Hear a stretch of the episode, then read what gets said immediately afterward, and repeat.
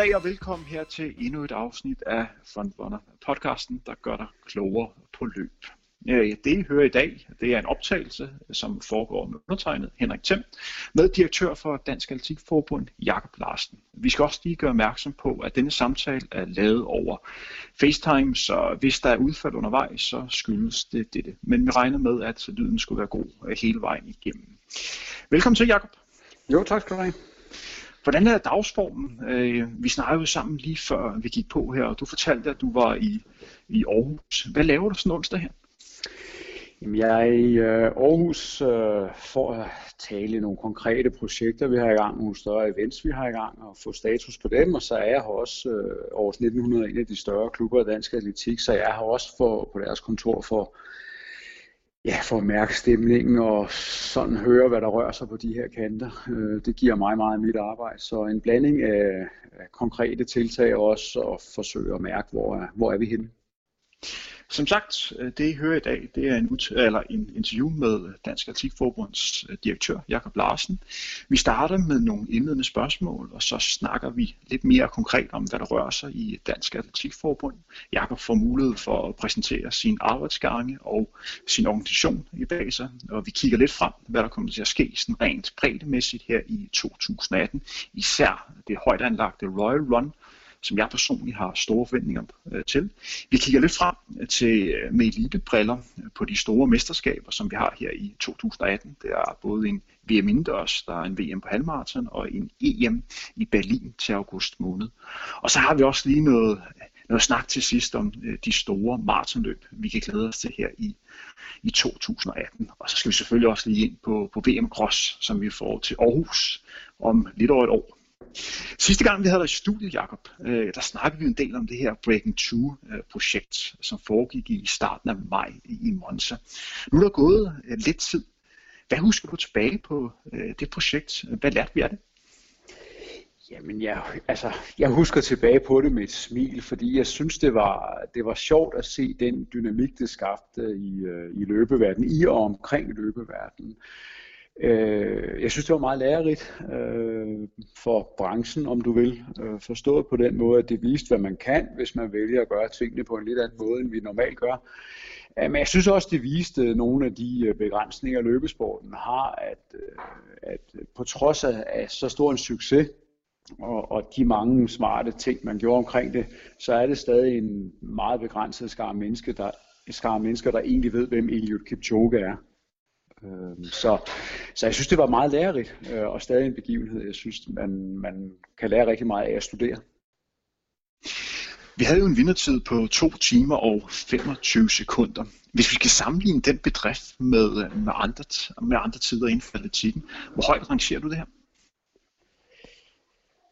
Ja, men det, altså, jeg rangerer det ikke i den kontekst, fordi øh, der blev taget så, så mange øh, hjælpemidler i brug, der er i strid med reglerne, så jeg, jeg synes ikke rigtigt, man kan, man kan sammenligne det med, med de andre resultater, der er opnået. Øh, jeg synes, det, er, det fortæller noget om, øh, at elite er mange ting.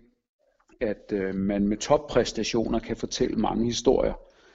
Øh, men for eksempel at begynde at måle det op mod øh, Usain Bolts verdensrekord på 100 meter, det giver for mig slet ingen mening. Øh, det er to vidt forskellige verdener, hvor den ene er hårdt reguleret, og den anden på mange måder var øh, et, et eksperiment i periferien af eliteidræt.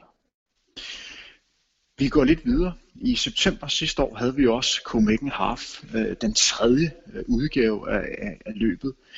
Der var ambition om at få en, en ny verdenskort. Det lykkedes ikke, men til gengæld fik vi hele tre løber under 59 minutter. Og vi fik også den hurtigste tid i mange år på, på halvmarathon-distancen. Øh, Når du kigger tilbage, var løbet ikke en kæmpe succes? Og jeg synes også, at jeg kan huske det lynede.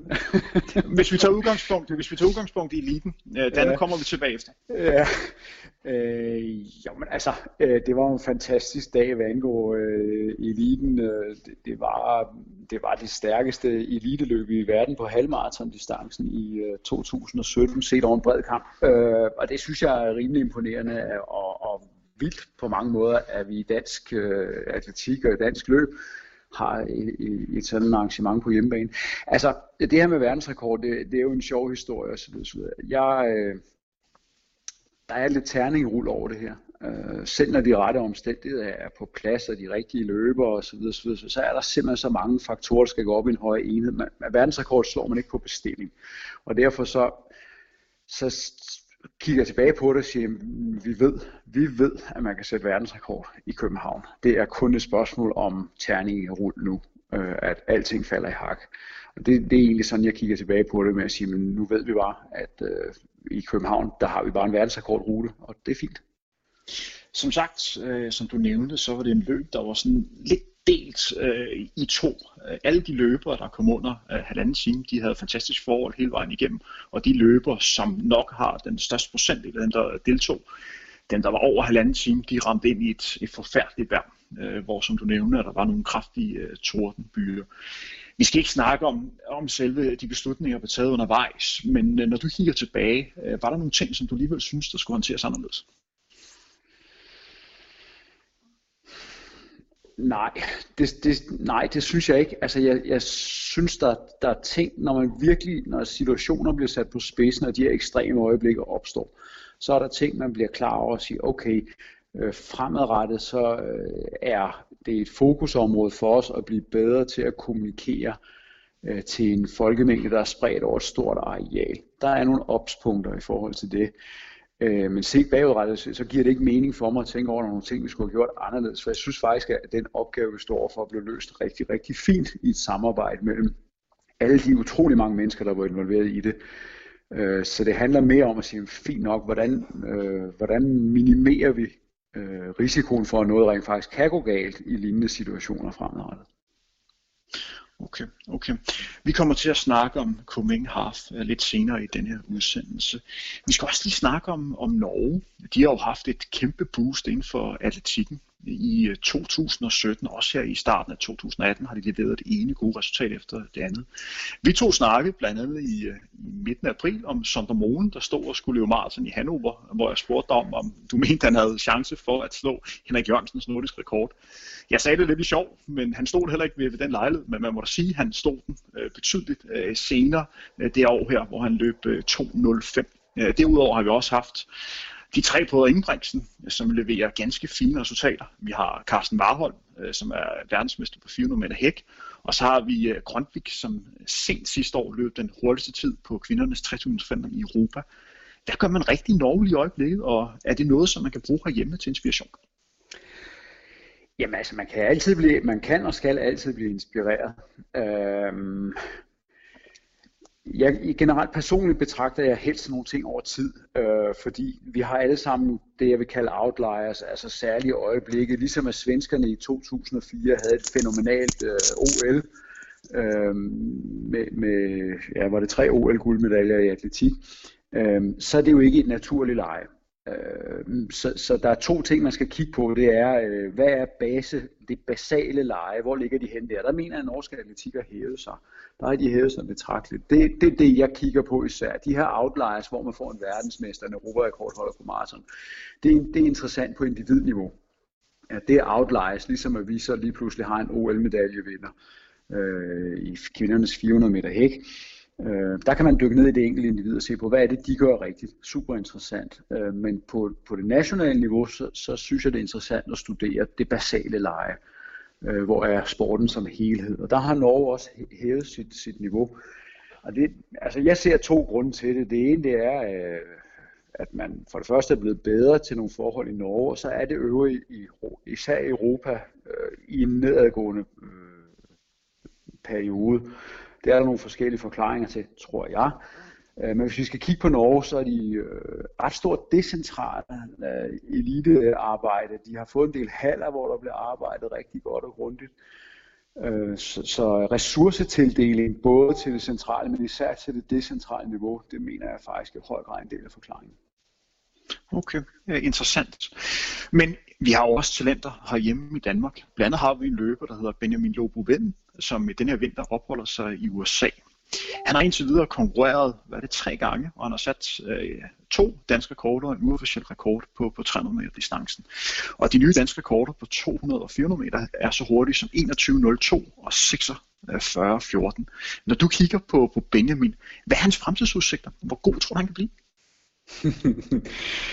Ja, nu er jeg lidt typen, der helst ikke vil sætte, uh, sætte loft på sådan noget der, så uh, jeg tænker, at Benjamin kan blive utrolig meget bedre. Uh, han er jo stadig meget ung, uh, så lad os da bare sige, men uh, hvorfor skulle han ikke kunne blive uh, blandt de bedste i verden? Men lad os nu se, der er stadig lang vej. Altså, uh, nu har han nået hertil, og det har jo næsten været den nemmeste del af det. Nu kommer så det hårde arbejde, men men altså, der er der stadig et stort potentiale nu.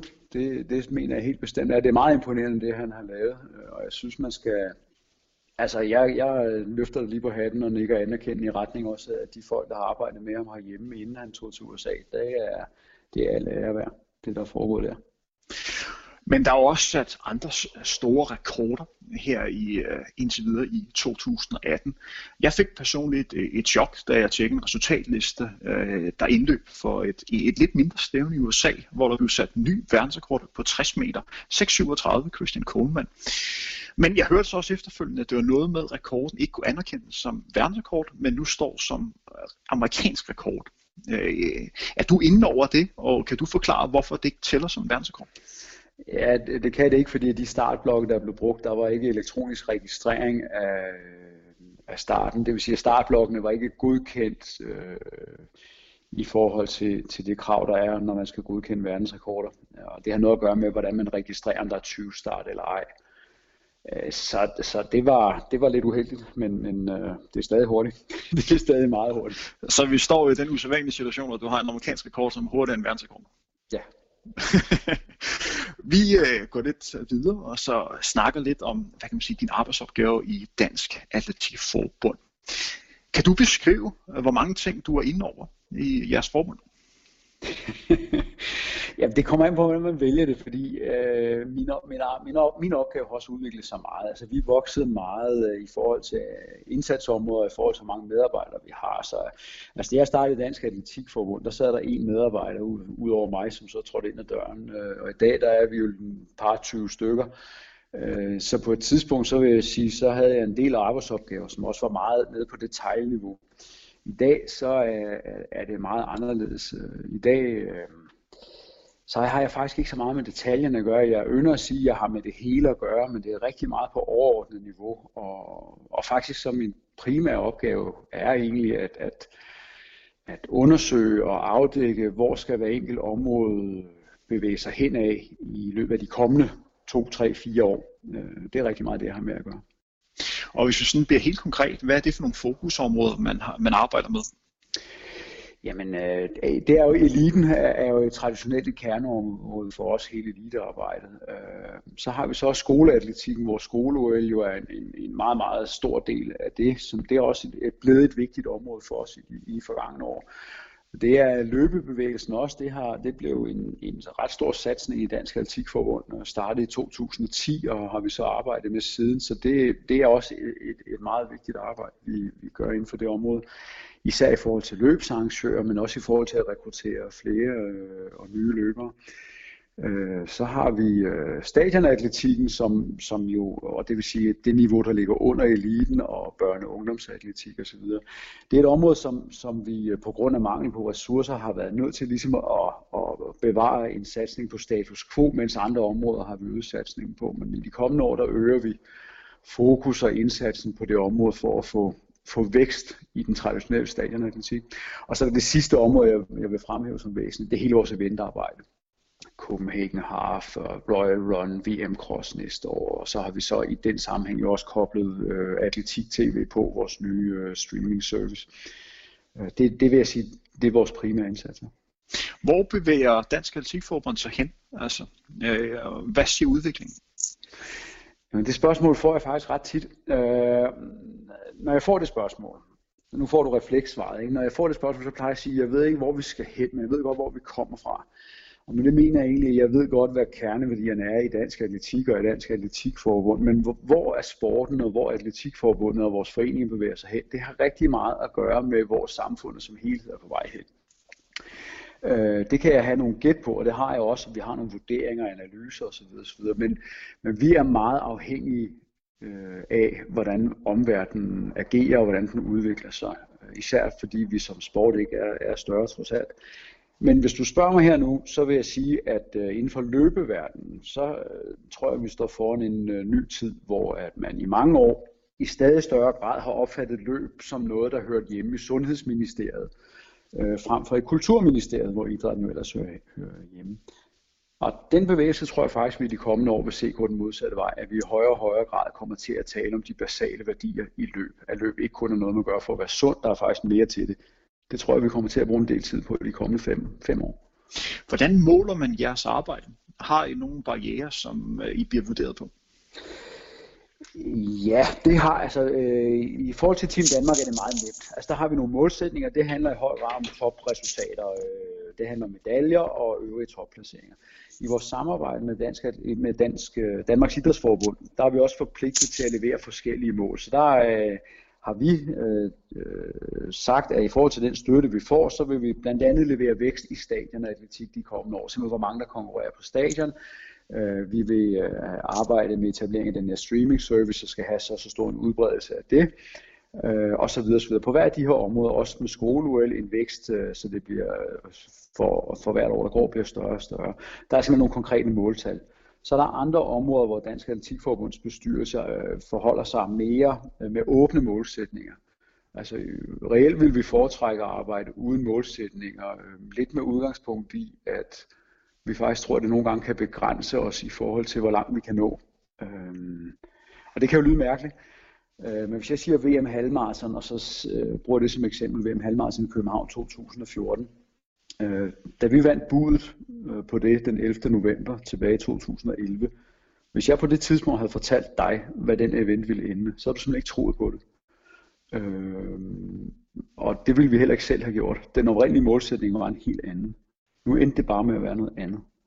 Og det har egentlig også ført til, at vi tror øh, på, at det her med målsætninger skal man være varsom med. Du skal til hver en tid være villig til at tænke det større.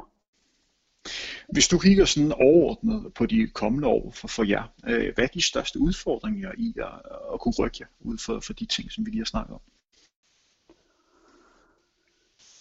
Jamen det er, det er et godt spørgsmål. Øh, det tror jeg også selv. Er, er det hele tiden at forholde sig til, til udviklingen, hele tiden kunne følge med udviklingen, og hele tiden lure stemning?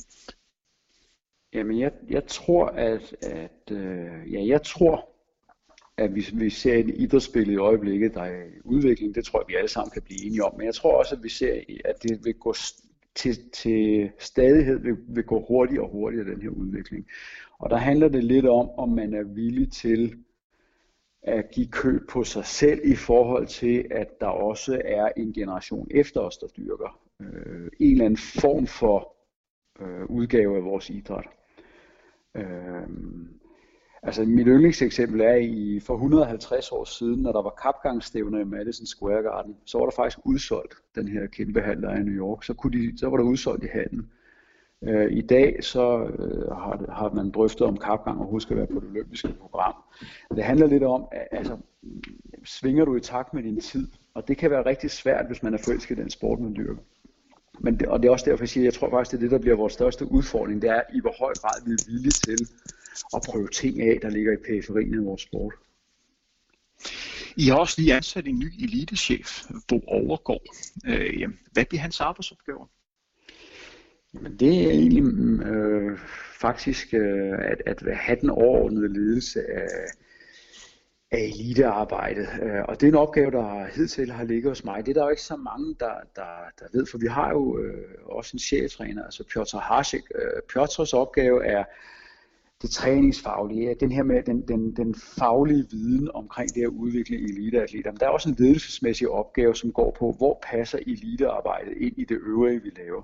Der er også en ledelsesmæssig opgave i at sige, hvad er det elitearbejdet skal levere til, til den øvrige atletik, og hvor er mulighederne for at opnå øh, værdiskabende aktiviteter for vores omgivelser.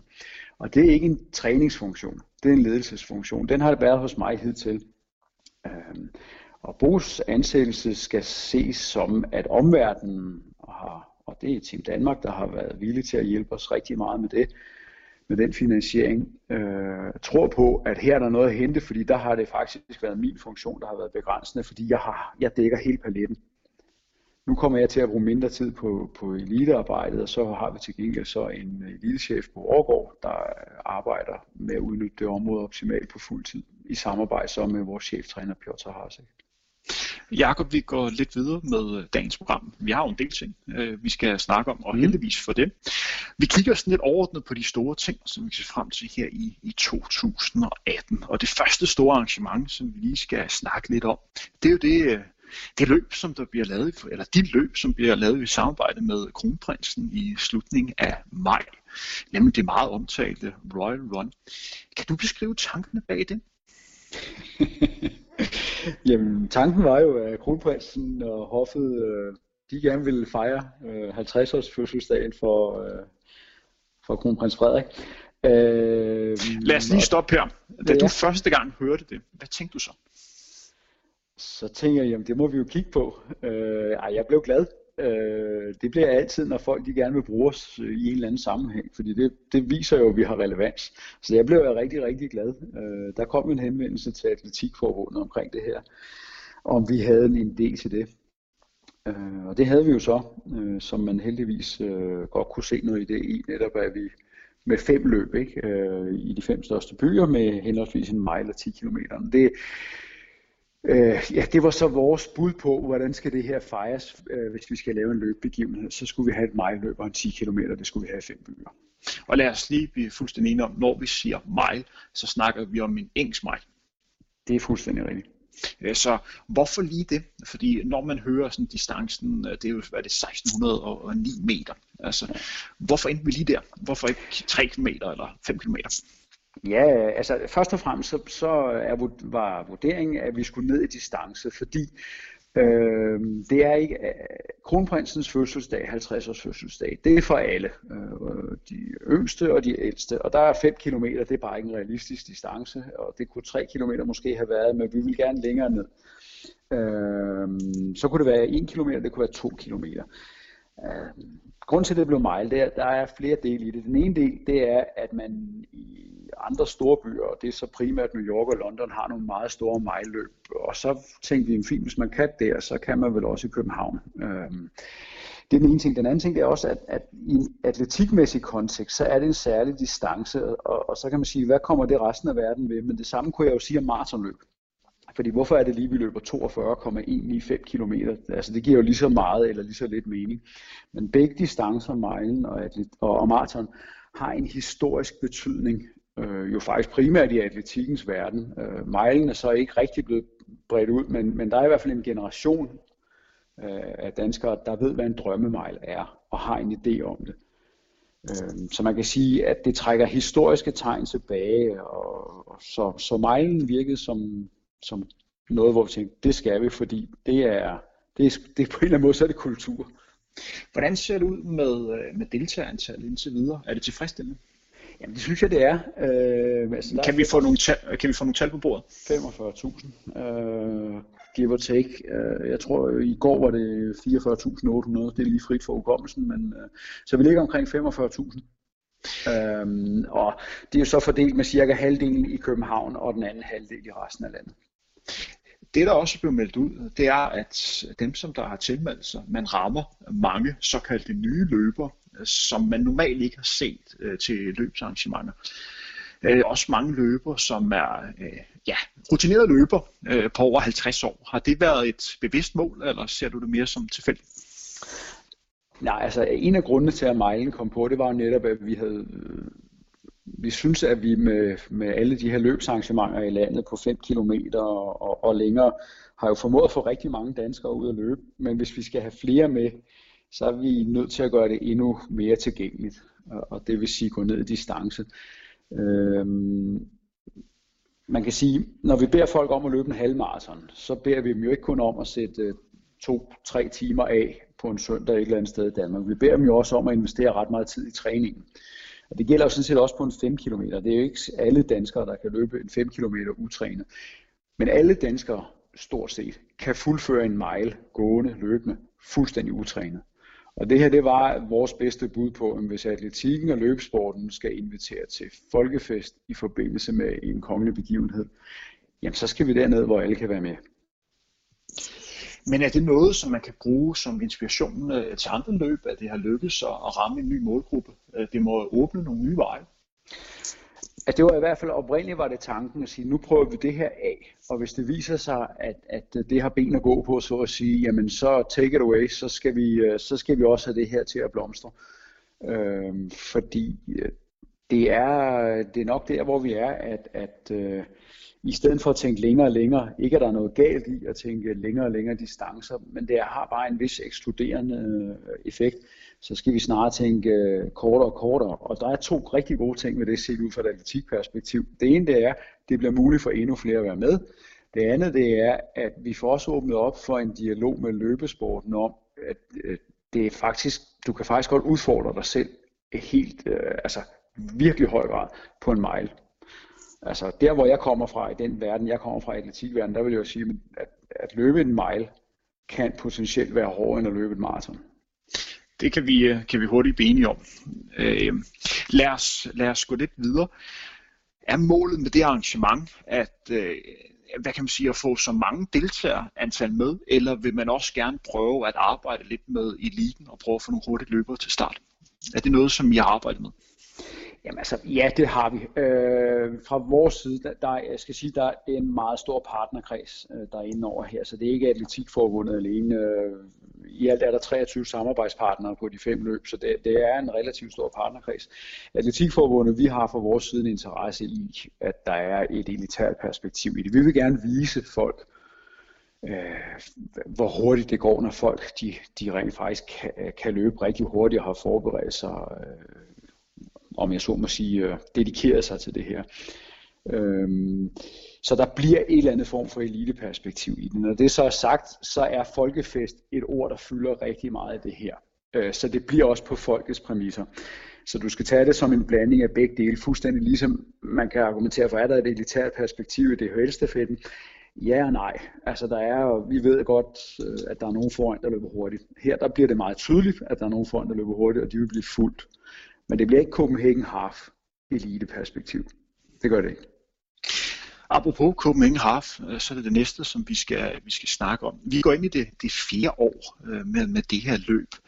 De første tre år, vi har jo snakket om det et par gange, har man jo brugt lidt den opskrift, der hedder Formel 1 kommer til byen, og man vil gerne vise de hurtigste racerbiler, det gælder om at få den hurtigste vindertid som overhovedet muligt. Er det den samme strategi, som man arbejder videre med i år, eller tænker man anderledes her, hvor man går ind i en, i en ny periode? Jamen, jeg ser på det på den måde, at den strategi er der stadig, men, men der vil gradvist blive introduceret andre elementer i, i det, vi skal tale om, fordi det, alle ved det godt nu. Alle ved, at det her er øh, en af verdens hurtigste halvmarathonruter, og der bliver løbet hurtigt i København, og det er et godt sted at, at komme og løbe. Det ved alle. Øh, vi kommer ikke til at holde op med at tale om det, men vi kommer til at tale om noget andet og mere nu. Og det kommer i høj grad til at, til at handle om, øh, om jeg så må sige, familien. Øh, forstået på den måde at være en del af stemningen omkring Copenhagen haft både på dagen, men også i tiden op til. Der vil de kommende år i vores samarbejde med Nordea-fonden blive startet træningsgrupper op øh, på landsplan, som både skal føre til deltagelse selvfølgelig i løbet, men faktisk også gøre, at man rundt omkring i landet kan blive en del af stemningen omkring Copenhagen Half. Ikke på dagen nødvendigvis, men også i løbet af træningen hen over året. Det kommer vi til at tale mere om. Det lyder alt sammen rigtig, rigtig spændende. Der er også et andet stort arrangement, som snart kommer til Danmark, nemlig VM Cross. Øh, ja, det skal jo foregå om lidt over øh, 13 måneder i den by, hvor du befinder dig lige nu, Aarhus. Hvordan går arbejdet med det? Hvor langt er man her et år, et år før? Jamen sådan i store træk, så synes jeg, vi er der, hvor vi skal være. Altså vi øh, havde en ambition om, at vi 1. februar, så vidste vi, hvilken type event vi ville levere, altså hvordan eventprogrammet skulle være, og hvordan og hvorledes, at, at øh, hvad folk kunne, hvad det er, vi, vi præsenterer for folk, og hvad er vi inviterer dem til. Og det var vores ambition med klar med det 1. februar. Og det er vi i store træk. Øh, det er små ting nu, det er virkelig øh, nede på bisætningsniveau. Det har vi fået godkendt hos IF nu, så vi er der, hvor vi skal være, synes jeg. Og det er noget, du vil dele med os? Ja, det vil jeg godt. Altså, vi, vi kommer til at melde det her ud i løbet af de kommende par måneder. Vi er lige ved at få afklaret øh, med IF, hvornår selve lanceringsdatoen, men det bliver inden for de kommende to måneder, vi offentliggør det hele. Men jeg kan da godt sige noget nu. Øh, vi har jo det traditionelle VM Cross med, med, med, de, med hovedløbende, så at sige, altså U20 øh, piger og drenge, og mænd og senior kvinder, og så en mix stafet. Og det bliver der selvfølgelig, som det plejer at være. Øh, vi øh, forventer, øh, at det bliver muligt for det, vi kalder elite motionsløbere at tilmelde sig hovedløbende. Det vil sige, at hvis man er øh, elite løber, så at sige, og kan klare en vis kvalifikationstid, så kan man også komme til at løbe med i hovedløbet. Øh, Udover det, så bliver der forskellige variationer af motionsløb. Der vil jeg godt lige vente med at melde ud, hvad det bliver, men der bliver ikke kun én form for motionsløb i det her, men det bliver på VM-ruten, og det bliver forskellige variationer over det, og vi forventer også at have en motionsstafet. Øh, men præcis den endelige udformning af, hvordan og hvorledes det bliver, og også kapaciteten på det, det afventer et, et sidste site visit fra IAF. Spændende planer. Hvis, hvis vi sammenligner lidt med øh, VM i halvmarathon, som bekendt var en meget, meget smuk martsdag tilbage i 2014, det der virkelig uh, solgte det og, og gjorde, at det blev den her folkefest ud over det her fantastiske vejr, var jo meget ambitionen om at, at løbe sammen med de bedste i verden, men også muligheden for at, løbe en, en ny personrekord uh, øh, i, i land på en rekordhurtig rute. Hvis du ganske kort øh, skal sige ikke et argument for, at, øh, at danskerne, som hører det her program her, skal ud og løbe VM cross, hvad er det så? Fest. Så det er det, den bliver solgt på? Ja, det her det bliver en fest, altså, og det er det, vi går efter at sige, med den her dag, det her det er, handler jo i sagens natur ikke om, hvor hurtigt kan jeg løbe på den her distance, men det bliver en fest, som kommer til at bestå af flere elementer. Vi skal have fundet det, vi kommer til at kalde for verdens sejeste løber. Vinder du det VM Cross, så er du verdens sejeste løber. Punktum. Det skal vi have fundet den dag. Og når vi er der, så skal vi også ud og have det en rigtig sjov dag. Vi kommer til at lægge rigtig stor vægt på oplevelsen af at løbe på den her rute. Det, der er gået lidt galt i cross, det er, at man har måske ikke været helt god nok til at fokusere på indpakningen noget vi, vi bruger rigtig meget tid på det også i Copenhagen har haft til, hvad er det for en oplevelse løberne skal have undervejs. Og, og det er ikke rigtig noget, vi har brugt tid på for alvor i cross. Det gør vi i det her VM Cross. Så, så deltagerne arbejder vi for, kommer til at få en meget, meget stor oplevelse undervejs i løbet. Det er jo ikke nogen hemmelighed, at efter jeres øh, fantastiske VM i halvmarathon, så er de Øh, verdensmesterskab på halvmarathon, der har været efterfølgende, øh, det var jo i Cardiff i 2016 og nu i Valencia i 2018, der har man jo fået masser af inspiration for det her løb i København, fordi man har i begge tilfælde lavet det i forbindelse med et motionsløb. Øh, og personligt har jeg store forventninger til det løb, som vi har i Valencia øh, i slutningen af, af marts. Er det ikke noget, som der går dig rigtig stolt som arrangør, at, at det er noget, man har taget til sig? Jamen det synes jeg, vi alle sammen skal være stolte af, fordi jeg vil faktisk våge den påstand, at det vi ser nu, altså København, som det var på det tidspunkt, der er bare nogle ting, som man kan konstatere, at det lader til, at det kan kun lade sig gøre i Danmark. Altså vi skal, ligesom jeg vil sige, DHL-stafetten kan bare kun lade sig gøre i Danmark på den måde, det er. Og lige præcis øh, VM Halmarsen i København, det var rette tid, rette sted for, for lige præcis det mesterskab. Øhm, der er nogle ting, der kunne lade sig gøre efterfølgende, men det handler også lidt om, at vi i Danmark finder andre veje. Øh, vi, vi øh, kan ikke slippe afsted med at spære Indre By i København af for en gruppe eliteløbere, så vi var nødt til at finde en anden vej. Vi har ikke den samme offentlige finansiering, som man har i udvalgte andre lande, så vi var nødt til at finde en anden måde at finansiere tingene på. Og det skaber bare en helt anden form for dynamik i en begivenhed, hvor tyngdepunktet også flytter sig, og du skaber en anden historiefortælling. Så jeg, jeg, bliver faktisk, jeg bliver stolt på vegne af dansk idræt og dansk, den danske løbeverden, den danske atletikverden i forhold til det arrangement. Og det tror og håber jeg også, at det bliver det samme med VM Cross. Og i forbindelse med, med VM Cross, du nævnte jo lidt, at argumentet for, at man skal deltage, det var for at med i den her fest. Du nævnte også, at vinderen af, af løbet, ham eller hende, der kalder sig verdensmester i cross, også er den sejeste løber. Hvis du skal lave en ønskeliste her et år før og pege på én løber, som du godt kunne tænke dig at komme til start øh, ved VM i Cross, og du har frit valg på alle hylder, og det er jo sikkert være en dansker, hvem skulle du så være? Ja, nu er jeg jo lidt halvnørdet. Altså, skulle jeg pege på... Ja, det kommer lidt an på, hvilken side af, af, hvilken hjernehalvdel jeg tænker med. Øh, jeg vil rigtig gerne have Geoffrey Camwater til start. Øh, fordi for mig er han øh, måske den bedste løber i verden lige nu. Øh, men men det, er, det er sådan et religionsspørgsmål det her. Øh, ham vil jeg gerne have med, men, men jeg indrømmer blankt, at jeg kunne så øh, med en anden side af hjernen kunne jeg rigtig godt tænke mig at se USA stille med deres absolut stærkeste hold. Det kunne jeg godt tænke mig. Fordi at det er lagt op til, at det bliver en rute, som har en vis kaliber. Det bliver en hård rute, øh, så øh, at det kunne faktisk godt lade sig gøre, at, at USA kunne gøre sig gældende. Ja, øh, vi har, da vi havde site visit første gang, så er der nogle af de gæster, vi har, der, der kalder ruten for the equalizer. Altså dybest set, at den, den, øh, den gør det jævnbyrdigt. Øh, og det er med udgangspunkt i netop, at det er en rute, som ikke bare er en flad landevej eller en flad græsmark, som vi har set i mange øh, crossløb i, i senere år. Øh, vi har i sin nuværende udform, der kan stadig blive lavet nogle justeringer, men lige som det ser ud nu, så er der 70 højdemeter per 2 km. Øhm, og det er cirka 10 gange så meget som det seneste VM.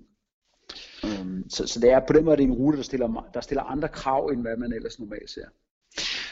Kan man gå så langt at sige at få en inspiration i det klassiske crossløb, som er i starten af året i Edinburgh, hvor man blandt andet har set uh, amerikanske Gareth Heat uh, slå Mark Farrer et par gange, selvom der er markant forskel på de her to løbers niveau på banen og på landevej? Ja, det kan man godt, men, men faktisk øh, meget tidlig i fasen, der lavede vi øh, Øh, ja, det, der øh, lidt populært sagt hedder et moodboard, hvor, altså, hvor der kom alle mulige billeder, for det var faktisk ret meget billedbaseret.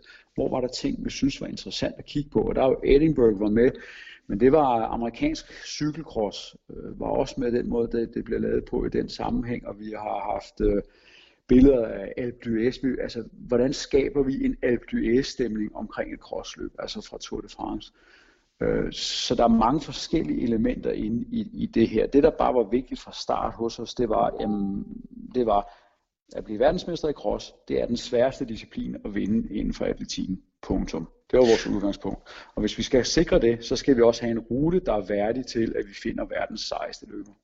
Og skal vi kort lige rise op, så alle er med på, hvorfor det er den sejeste løber.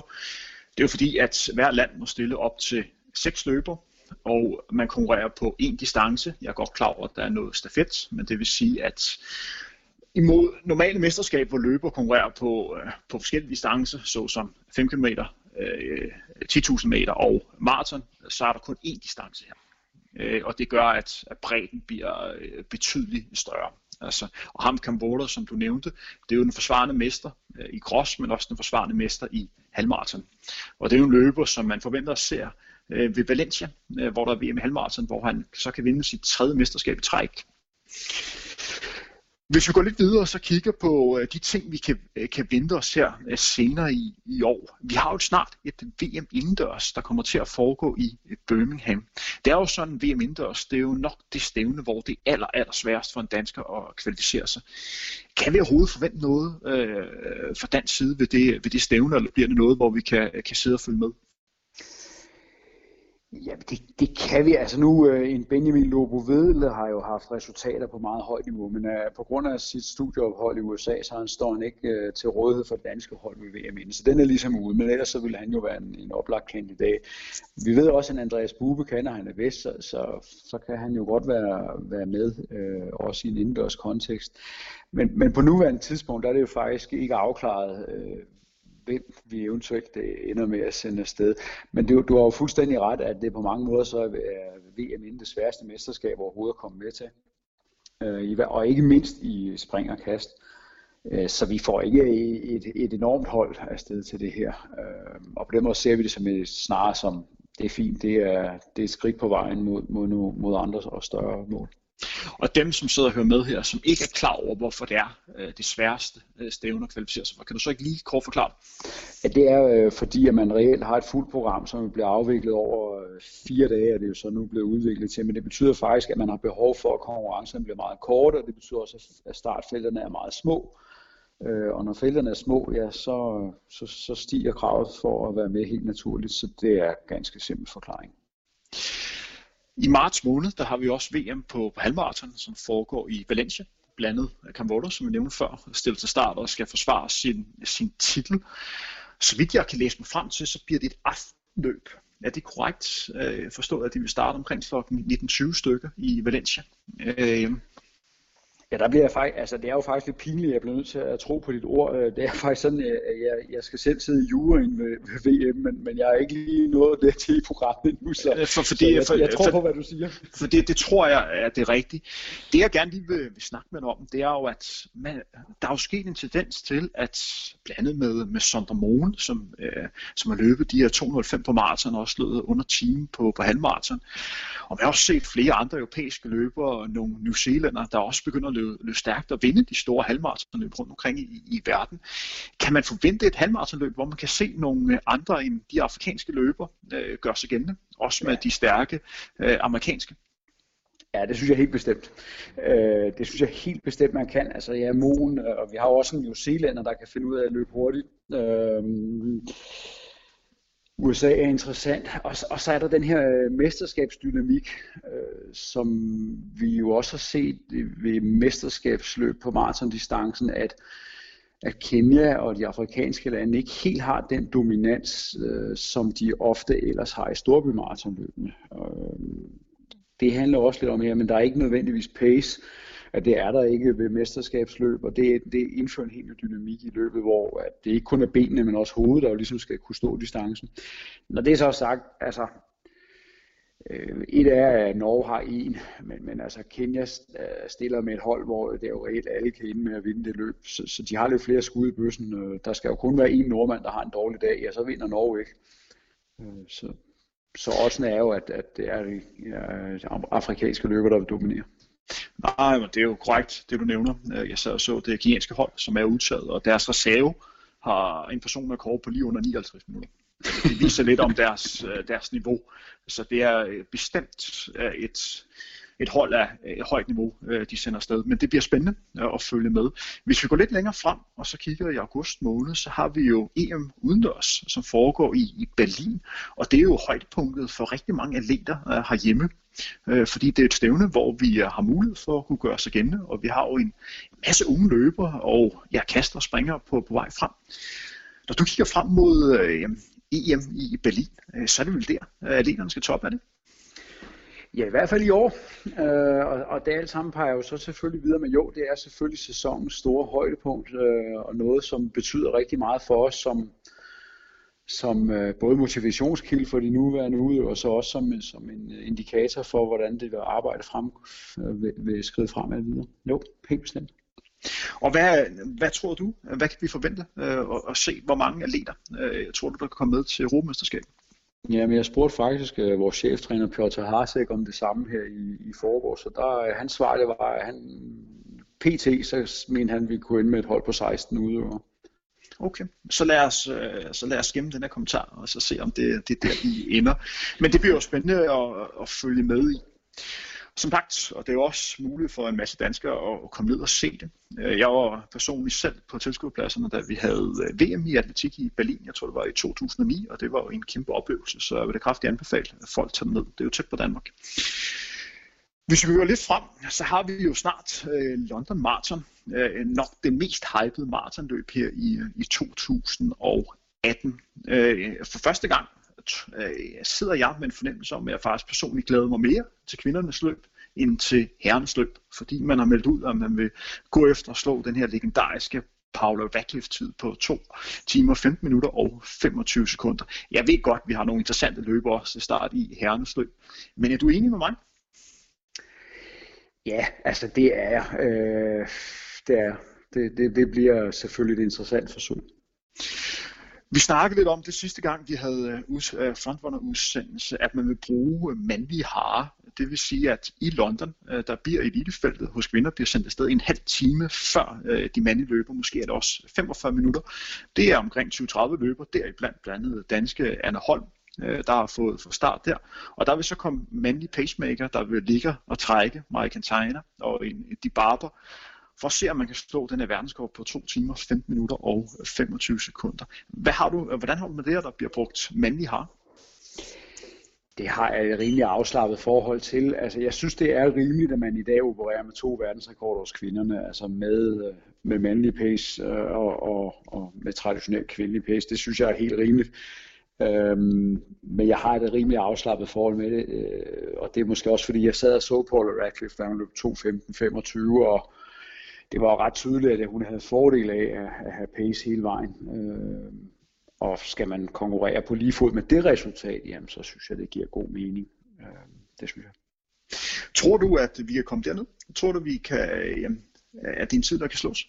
Ja, for et år siden, så ville jeg have forsvoret det, men efter London Marathon sidste år, så tænker jeg, ja, det, det, det kunne jeg godt se ske, at man kommer i nærheden. Men igen, det er det her med at iscenesætte en verdensrekord, det er, altså, det er faktisk ikke så tit. vi hører tit om det, hver gang der står ved Mars. Nu kommer der, nu skal der sættes verdensrekord, og det sker faktisk ret sjældent. Øh, vi så også Kipchoge, øh, også da han skulle sætte verdensrekord efter hans uh, sub, sub øh, 2 projekt. Altså det er bare ikke, eller breaking 2, det er ikke, det er ikke så let at gøre det på, på bestilling, men jeg, men jeg kan sagtens se, at de kommer i nærheden.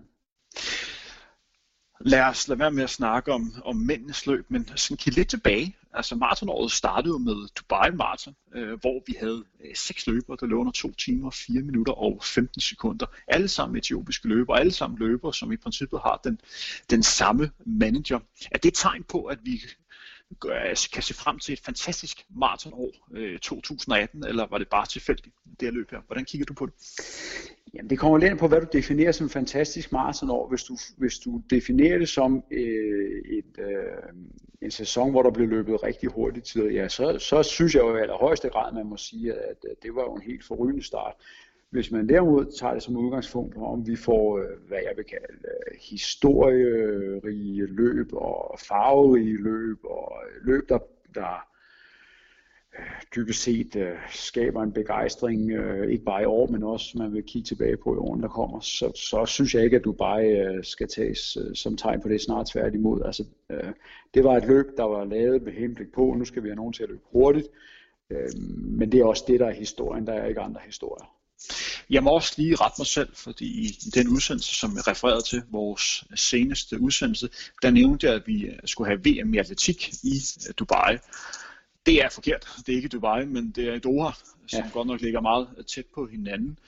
Når du kigger, og det ved jeg, du har gjort, og kigger på Dubai Marathon og ser, at det er meget begrænset med et deltagerantal og to øh, de antal tilskuere, som står og kigger på. Bliver du så ikke bekymret for det arrangement? Jo, det gør jeg. Jeg synes, der er grund til bekymring, og i løbekontekst, så synes jeg i allerhøjeste grad også, der er grund til bekymring for at løbe et uh, mesterskabsmarathon uh, under de klimatiske forhold. Nu skal vi tænke på, at man løber i januar her. Øh, uh, VM det bliver altså i september. Så der, jeg tænker, der nok bliver lidt lunt. Uh, jo, det gør jeg. Uh, tilskuerne er en utrolig vigtig del af sådan en ramme, uh, og dem var der altså ikke mange af i Dubai, uh, på trods af det ekstremt høje niveau. Så jeg synes, der er grund til at bekymre. Og så lige den, øh, den sidste ting, inden vi øh, lukker ned for, for i dag, Jakob. Når du kigger frem her på løbeåret 2018, hvad glæder du dig allermest til? Ja, der er flere niveauer i det. Jeg glæder mig rigtig, rigtig meget til Royal Run, fordi det tror jeg bliver Øh, på mange måder bliver Royal Run en større løbbegivenhed end VM halvmarathon var. Det kan lyde paradoxalt, men, men jeg tror, at, at løb kommer til at sætte dagsordenen i, i Danmark for en periode der på en måde, vi ikke har set før. Så det glæder jeg mig rigtig meget til. Så glæder jeg mig meget til, til EM øh, i Berlin. Jeg glæder mig rigtig meget til at følge de løbere, jeg tror og håber, vi har med dernede. Der er grøde dansk løb, og det håber jeg også, at vi vil få at se i, i Berlin. Og så er det klart, at, at vi har nogle løbeevents herhjemme, som, som jeg ser frem til. Øh, blandt andet Copenhagen Marathon jo i maj, øh, ugen før Royal Run, men selvfølgelig også Copenhagen Half, øh, Lillebælt Halvmarathon, øh, Aarhus City Halvmarathon osv. osv. Så, så der er mange ting, men hvis jeg skulle pege på to, så bliver det Royal Run, og, og så, ja, så skal jeg vælge lidt mellem EM og Copenhagen Half. Der Copenhagen Half står mit hjerte nær. Men med det, Jakob, så vil jeg gerne sige mange tak, fordi at vi måtte forstyrre dig øh, her en onsdag eftermiddag. Og til jer, øh, der har hørt med. Det, jeg har hørt i dag, det er en udsendelse med direktør for Dansk Atletikforbund, Jakob Larsen. Hvis I kunne lide øh, det, I hørte. Og som sagt, vi beklager, hvis der har været nogle lydudfald. Øh, det er optaget over FaceTime, men øh, vi satser meget på, at lyden er perfekt alligevel. Så bær over med os. Men gå ind og følg os på øh, de sociale medier, og husk at abonnere på os på, på iTunes. Vi har en kraftig ambition om at, at lave minimum en udsendelse om ugen, og gerne lidt elastik med, med det her. Her på falderæben, har du nogle ting, som øh, du synes, vi ikke rigtig har været over? Det har jeg givetvis, men det må vi vende tilbage til en anden gang. det må vi Hold øje med, hvad vi kommer til at meddele om, øh, om VM Cross. Jeg tror og håber virkelig, det kommer til at sætte et tydeligt aftryk i Danmark, så øh, der glæder jeg mig til at se alle om øh, lidt over et år i Aarhus. Og, og vi har en lille aftale om, at øh, når I holder pressemøde i starten af marts, så vil jeg være til stede. Du sidder på laver... forreste række. Jeg sidder på forreste række. Det bliver, det bliver dejligt. Jeg glæder mig til. Så men øh, tak for det, Jakob. Det er så lidt.